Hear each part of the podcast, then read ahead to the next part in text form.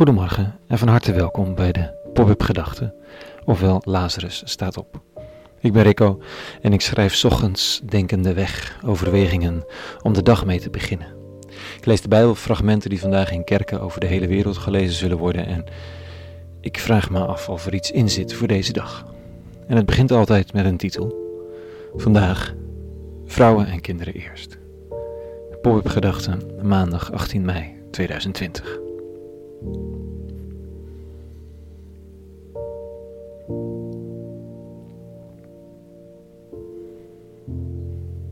Het is altijd tricky om over de plek van mannen en vrouwen te praten. Zeker als man. Om überhaupt daarin verschil te zien. Al zal niemand de biologische kant ontkennen. Maar daar houdt het dan zo ongeveer ook wel op qua overeenstemming. En terecht dat hier discussie over ontstaat. Veel te lang is er op ellendige wijze gebruik gemaakt van die biologische verschillen om de vrouw niet als volwaardig mens te beschouwen. Het is toch niet zo lang dat er sprake is van stemrecht en van andere gelijke rechten. En we zijn er ook nog lang niet.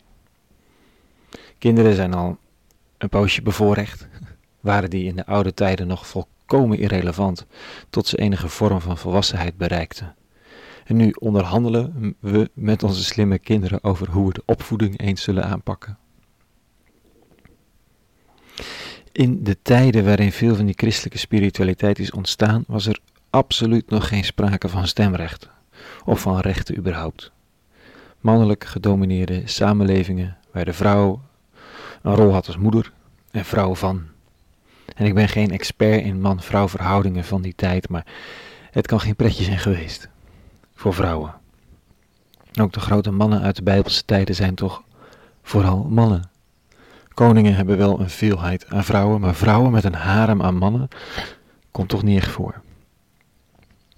Al valt er bij nadere lezing iets op. Het is wat moeilijker te zien voor de westeling die al een beetje gewend is aan het idee van gelijke rechten en een minder scherpe man-vrouw verdeling, maar het lijken steeds de vrouwen te zijn die vooraan staan. Misschien niet overal, maar ze zijn er steeds maar weer. Als eerste. Zo lijkt het. Het valt me op als ik dit fragmentje lees over het ontstaan van de vroeg-christelijke beweging.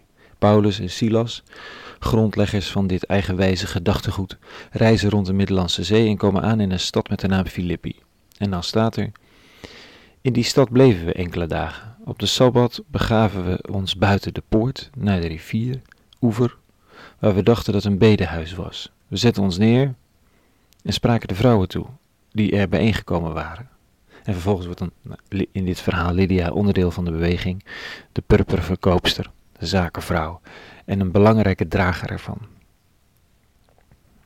Hier zijn het vrouwen die samenkomen, vrouwen die de boodschap oppakken en verder brengen.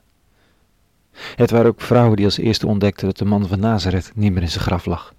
De eerste vertellers van het bizarre verhaal dat de dood geen grip had op het goede zelf. Het was Maria die het verhaal mocht gaan dragen, het verhaal dat de wereld zou veranderen. Haar man Jozef moest voor de zorgen, dat was zijn rol. En het was Eva die in het allereerste verhaal uit de Bijbelse traditie wel wilde weten wat goed en kwaad was. Dat is een verhaal dat vaak wordt gebruikt om de vrouw weg te zetten, terwijl het natuurlijk hetzelfde principe is als het ontdekken van een opstanding. De vrouw is er als eerste bij. Je zou kunnen zeggen, waar de vrouw gaat, gaat de toekomst. En dat is ook biologisch nog niet eens zo gek gedacht.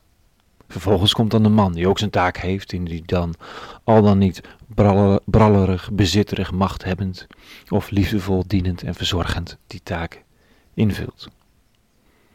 In de verhalen dan, hè, die hele oude, voordat je me verdenkt van strikte man-vrouw verhoudingen. Vrouwen eerst.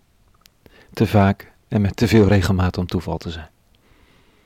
Een vriendin van mij zei laatdunkend, ach in die oude, bijbelse verhalen is de vrouw moeder of hoer. Patriarchale troep, die teksten van je. En ook dat komt voor. Maar Lydia, de trotse zakenvrouw vandaag, de paradijselijke Eva en de ontdekkers van de opstanding, had het ook geweest mogen zijn voor gebeurtenis, waren dat niet, voor zover we weten. Ze waren er wel, allemaal als eerste bij. Jezus van Nazareth voegt daar nog eens kinderen aan toe, als een van de kleintjes bij zijn groep die zijn onderwijs verstoren door er steeds omheen te hangen, omdat ze vermaakt willen worden. Hij plaatst een van hen in het midden en zegt: Wie niet wordt als een van hen, die past überhaupt niet in het toekomstbeeld dat ik jullie schets. Vrouwen en kinderen eerst. Niet alleen in de reddingsboten, maar in de hele geschiedenis. Ook in de oude christelijke teksten worden steeds weer bommetjes gelegd onder een patriarchale eigendunk. En terecht, we kunnen niet zonder elkaar. Tot zover vanochtend. Een hele goede maandag gewenst. En vrede. En alle goeds.